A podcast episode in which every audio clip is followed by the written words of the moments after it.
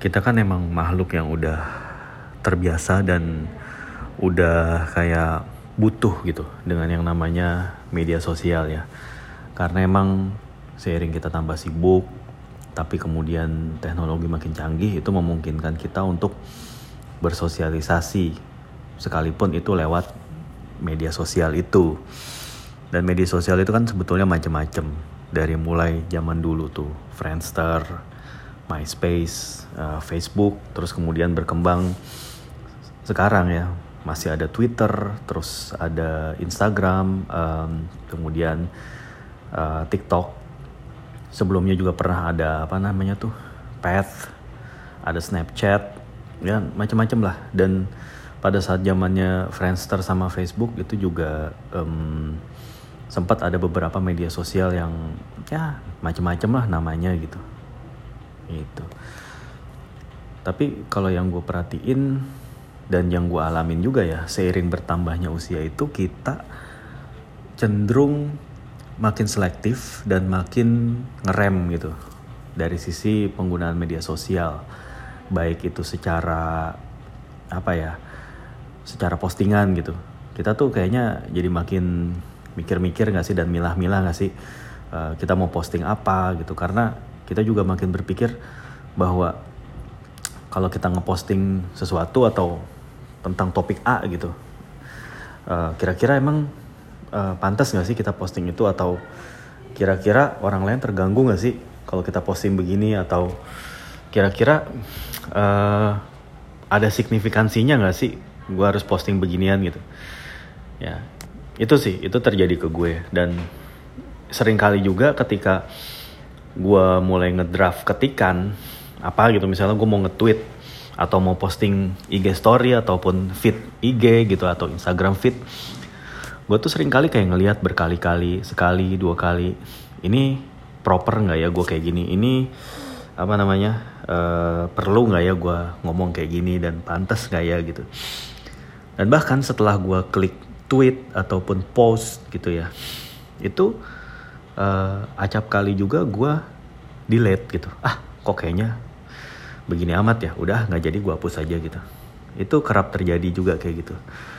Ya gue nggak tahu ya apakah ini emang pengaruh bertambahnya usia sehingga lu tuh udah kayak yang capek dengan drama gitu kan. Ya media sosial tuh kadang-kadang juga menimbulkan drama ya.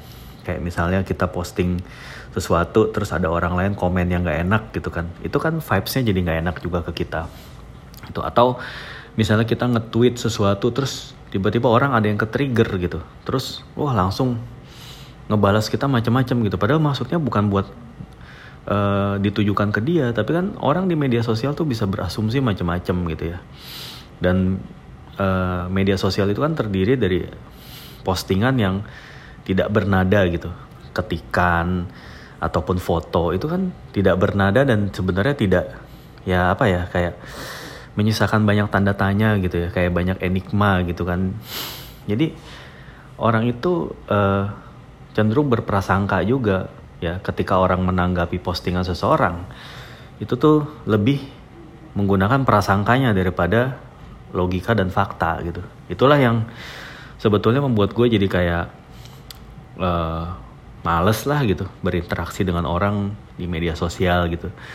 Jadi ketika gue emang mau berkomunikasi sama orang tersebut ya gue akan japri dia aja gitu. Japri ya udah cukup gue dan dia yang tahu isi pembicaraannya. Kalau lu saling berkomentar di media sosial kan orang lain ngelihat orang lain ngelihat wah terus langsung punya persepsi macam-macam persepsi persepsi lagi persepsi lagi. Wah chaos jadinya. Itu kan apa ya sesuatu yang menurut gue dihindari aja gitu. Macam lu nggak banyak persoalan aja dalam hidup atau macam lu tuh nggak punya prioritas lain dalam hidup gitu. Cuman uh, hidup lu tuh ribet gara-gara medsos gitu.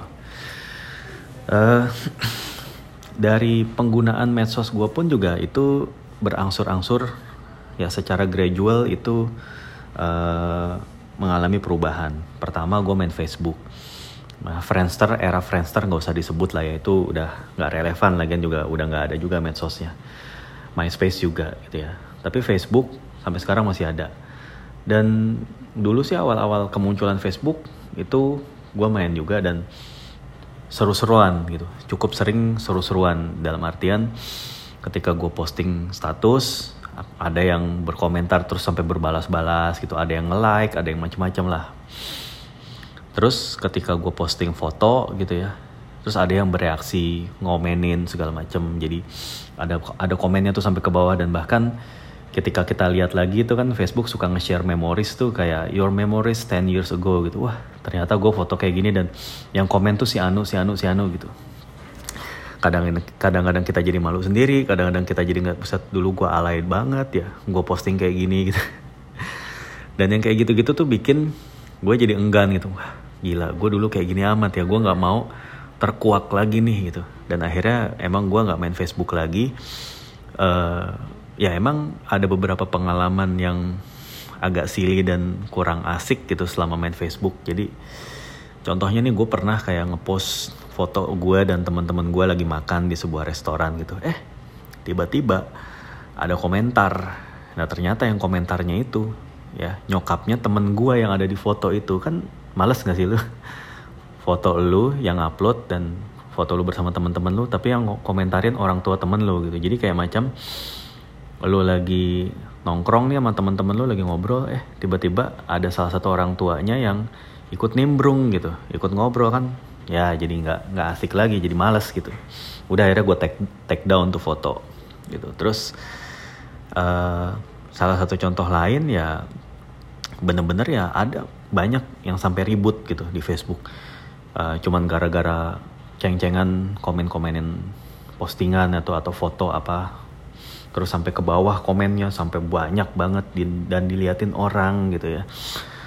Terus sampai adalah temen Facebook gue gitu yang yang mana teman sekolah gue tuh yang ngebuka aib rumah tangganya sendiri di Facebook gitu kan. Itu kan malesin banget gitu ya. Itu ya bikin gue ngerasa ah nggak penting banget nih medsos gitu. Dan ini jadi ekosistem yang nggak oke okay lah buat gue ditambah lagi yaitu di Facebook itu karena hampir semua orang punya gitu ya. Akhirnya gue tuh jadi berteman dengan tante-tante gue dengan saudara-saudara gue dengan bos-bos gue yang mana ya udahlah ini udah bukan bukan uh, my backyard lagi gitu. Ini udah everyone's room gitu.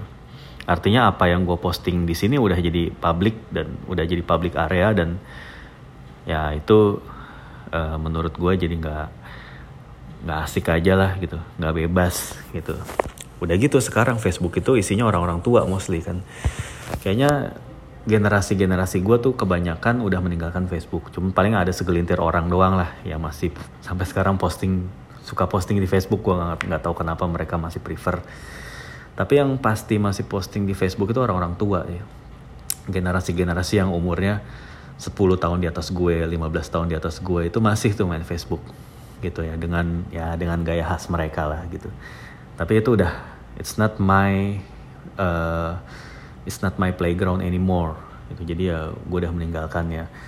Tapi uh, di Facebook pun sebetulnya gue walaupun gue udah nggak buka Facebook gitu ya tapi sebetulnya gue nggak nutup akun gue karena pertama bisa jadi gue pengen tahu ulang tahun ya ulang tahun dari teman-teman gue ngeliatnya di Facebook atau yang kedua yang menurut gue masih ada manfaatnya di Facebook itu FJB-nya atau for, forum jual beli. Nah gue pernah kayak beli jersey dapat di Facebook, beli game gitu ya, konsol game atau game itu dapat dari Facebook. Artinya FJB-nya itu lengkap gitu, segala macam barang ada gitu, yang bekas, baru, yang seri apa gitu lo mau cari apa. Bahkan ya yang grupnya bapak-bapak banget ya jual beli musang jual beli reptil jual beli unggas gitu kan jual beli pakan ikan gitu. Jasa antar jemput wah segala macam lalu cari ada deh tuh di Facebook. Bahkan forum-forum kalau lo yang mau males lagi ya forum-forum penggemar klub Eropa di Facebook. Wah itu that's another level of netizen bola Twitter klub luar. Wah gila itu udah liar banget dan semua postingannya tuh udah yang hoax yang tendensius dan menjelek-jelekan dan yang komen juga nggak kalah barbarnya. Wah itu lengkap deh tuh. Sebenarnya emang Facebook tuh cocok kalau apa ya buat lo yang berjiwa senang mencari keributan dan senang mencari atensi. Itu cocok banget sebenarnya lo main Facebook dan berjal dan bergabung di grup Facebook. Wah itu kayaknya dunia lu akan semakin berwarna karenanya. Gitu. Nah terus uh, Twitter. Ya gue main Twitter dari tahun 2009 awal-awalnya gue main Twitter tuh ya bener-bener ya cuman follow teman-teman sekeliling gue doang. Tapi kemudian lama-lama ngebosenin ya gue coba ngefollow akun-akun lain ya akun-akun bola dan akhirnya dari dari pertemanan gue dengan akun-akun itulah gue banyak kemudian uh, menghasilkan sesuatu gitu. Gue banyak menambah teman-teman baru eh, koneksi-koneksi baru uh, mindset-mindset yang lebih fresh gitu. Itu bikin dunia gue jauh jauh lebih meaningful gitu. Itu ada saatnya itu. Tapi uh, makin ke sini buat gue netizen Twitter juga udah makin beragam dan makin ya nggak sedikit juga yang ngaco gitu ya. Ngaco yang dalam artian kayak suka tolol-tololin orang suka ngejudge orang ya suka main serang aja orang gitu main bully aja gitu tanpa tanya-tanya dulu. Terus yang fanatik-fanatik yang suka atau yang suka nyamber-nyamber nggak jelas gitu padahal kita nggak ngomong sama dia. Ya gitulah. Ya itu kadang-kadang gue males gitu ya. Dan gue juga sedang berusaha untuk melepaskan diri dari asosiasi atau dari uh, label yang udah tersemat ke gue bahwa gue penggemar klub sepak bola tertentu gitu. Itu lagi pengen gue lepasin gitu karena gue pengen orang ngelihat gue sebagai orang ya biasa aja gitu. Bukan si ini fans klub ini si ini suka ini suka nggak. Gue kayak pengen menetralkan itu semua dulu karena uh, ternyata dengan lu tenggelam ya terjun dan kemudian berenang dan tenggelam ya di dalam dunia fandom sepak bola itu at some point itu memuakan. Bener-bener kayak gitu ya gitulah. Tapi netizen Twitter tuh netizen yang menurut gue kritis ya termasuk kreatif egaliter gitu ya. Semua orang ada di situ gitu ya. Nggak kayak IG gitu ya. Kalau di IG kan atau Instagram itu kan yang kalau lu nggak cantik nggak tajir nggak punya talent apa gitu yang bisa kasat mata dilihat lu nggak bakal dapat attention. Di Twitter mau lu kayak gimana orangnya gitu ya. Siapa pun lu gitu. Mau bentuknya lu kayak gimana. Kalau lu pinter merangkai kata-kata yang bagus, yang provokatif, jago debat, ya. Apalagi jago tolol-tololin orang segala macam ngetrol kayak gitu. Lo mungkin bisa terkenal di situ. Tapi ya satu hal juga lo harus pahami. Lo terkenal di Twitter bukan berarti lo orang yang berkualitas ya. It doesn't define you gitu ya. Lo punya follower banyak boleh jadi lo bangga. Tapi jangan salah nggak semua orang ngefollow lo karena itu orang look up to you bisa jadi orang itu emang ngefollow lu karena pengen ngetrol lu. Bisa jadi orang ngefollow lu karena nunggu lu blunder. Bisa jadi orang ngefollow lu karena emang menikmati kebodohan lu gitu. Atau bisa jadi kalau buat yang cewek ya, kan cewek suka ada tuh yang selfie-selfie di Twitter gitu ya, pakai filternya banyak gitu ya. Akhirnya itu jadi memancing cowok-cowok jomblo ataupun cowok-cowok bapak-bapak yang masih genit untuk nyamperin lo gitu. Kalau lo emang uh, tipe tipikal yang uh, craving for at people's attention ataupun yang tipikal yang pick me gitu ya. Ya emang itu emang dunia lo mungkin sih. Ya emang cocok di sini gitu. Tapi kalau lo emang bukanlah tipikal yang seperti itu, tipikal yang ah pengen santai-santai aja di Twitter gitu, pengen jadi silent reader, pengen cari informasi segala macam ya buat gue sih mendingan emang lo tidak terlalu banyak berinteraksi dengan orang. Atau malah mungkin bisa juga lo lo gembok aja akun lo jadi lo bisa memfilter siapa follower lo gitu. Dan siapa yang bisa ngeliat uh, tweet lo gitu. Tapi so far Twitter masih jadi medsos yang menurut gue paling menghibur karena alasan-alasan itu tadi gitu ya. Dan orang-orang Twitter itu bener-bener kreatifnya sekreatif mungkin dan uh, mereka itu uh, kritis gitu ya. Terus kalau IG nah IG tadi sempat gue singgung. Di IG itu kan kayaknya lu harus kaya lu harus cantik lu harus berbakat segala macam supaya lu dapat atensi. Ya emang gue ngelihatnya tuh banyak benernya gitu walaupun nggak selalu. Ya bisa jadi emang orang main IG itu emang buat berkomunikasi dengan teman-teman dekatnya doang ya dengan circle kecilnya. Jadi dia tuh kayak punya second account yang kayak cuman teman-teman dikit teman-teman dekatnya yang follow jadi first accountnya yang general. Nah yang di first account ini barulah dia total kayak total uh, dandan total um, apa namanya memperlihatkan pencapaian-pencapaian, ya foto lagi di ruang kerja, di ruang meeting, ya foto lagi di dalam mobil, ya foto lagi uh, nyetir motor Harley ataupun Ducati Scrambler ataupun uh, Royal Enfield ataupun Honda Rebel gitu ya, atau lu foto di balik kemudi Pajero Fortuner gitu-gitu. Foto apa bersama klub Harley Davidson yang bapak-bapak dan ibu-ibu itu yang lagunya Viva La Vida itu gitu ya. Ataupun ya posting-posting sama temen uh, seangkatan gitu yang udah lama gak kumpul. Atau lu posting pemberian hampers dari temen lu yang mana sebetulnya hampers itu nggak di apa nggak diberikan ke semua orang. Diberikannya hanya ke segelintir orang tapi lu posting terus orang lain jadi tahu wah si ini dikasih. Uh, kok gua enggak ya? Jadi baper gitu. Dan emang mungkin sepertinya itu tujuannya. Jadi emang ingin mencoba mengeksklusifkan diri dengan cara ria dengan cara ria uh, memberikan uh, hampers kepada orang lain dengan harapan di repost sama yang penerimanya gitu. Ya itulah observasi singkat gue ya terhadap pengguna tiga platform itu kalau TikTok terus terang gue nggak main TikTok tapi mungkin ini adalah uh, future uh, medsos gitu. Walaupun ini adalah sesuatu yang gue benci, sesuatu yang sama sekali tidak gue nikmati dan tidak gue gunakan. Tapi mungkin orang akan pakai TikTok ya ke depannya gitu. Ya karena TikTok ini efektif pertama buat jualan. Jadi sering lah pasti kita dengar restoran yang masuk kategori uh, sering diposting di, di TikTok itu omsetnya naik. Ya enak nggak enak itu restoran ya kalau dikenal di TikTok dan uh, diketahui ya oleh para Gen Z yang mana notabene mayoritas pengguna TikTok yaitu bisa jadi media sales marketing yang sangat efektif dengan lu punya akun TikTok yang bagus dan lu misalnya meng-hire seleb TikTok yang emang uh, punya follower banyak gitu.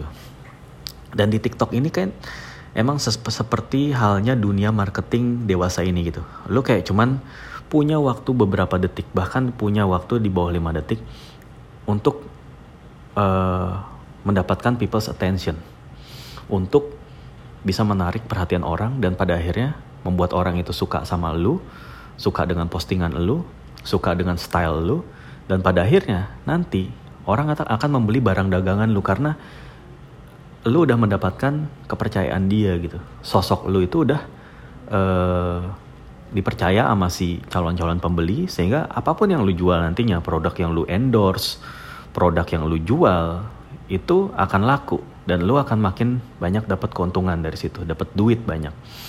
Ya, TikTok dalam beberapa hal juga menolong banyak orang. Ada tuh si KB apa tuh yang yang paling terkenal lah itulah ya.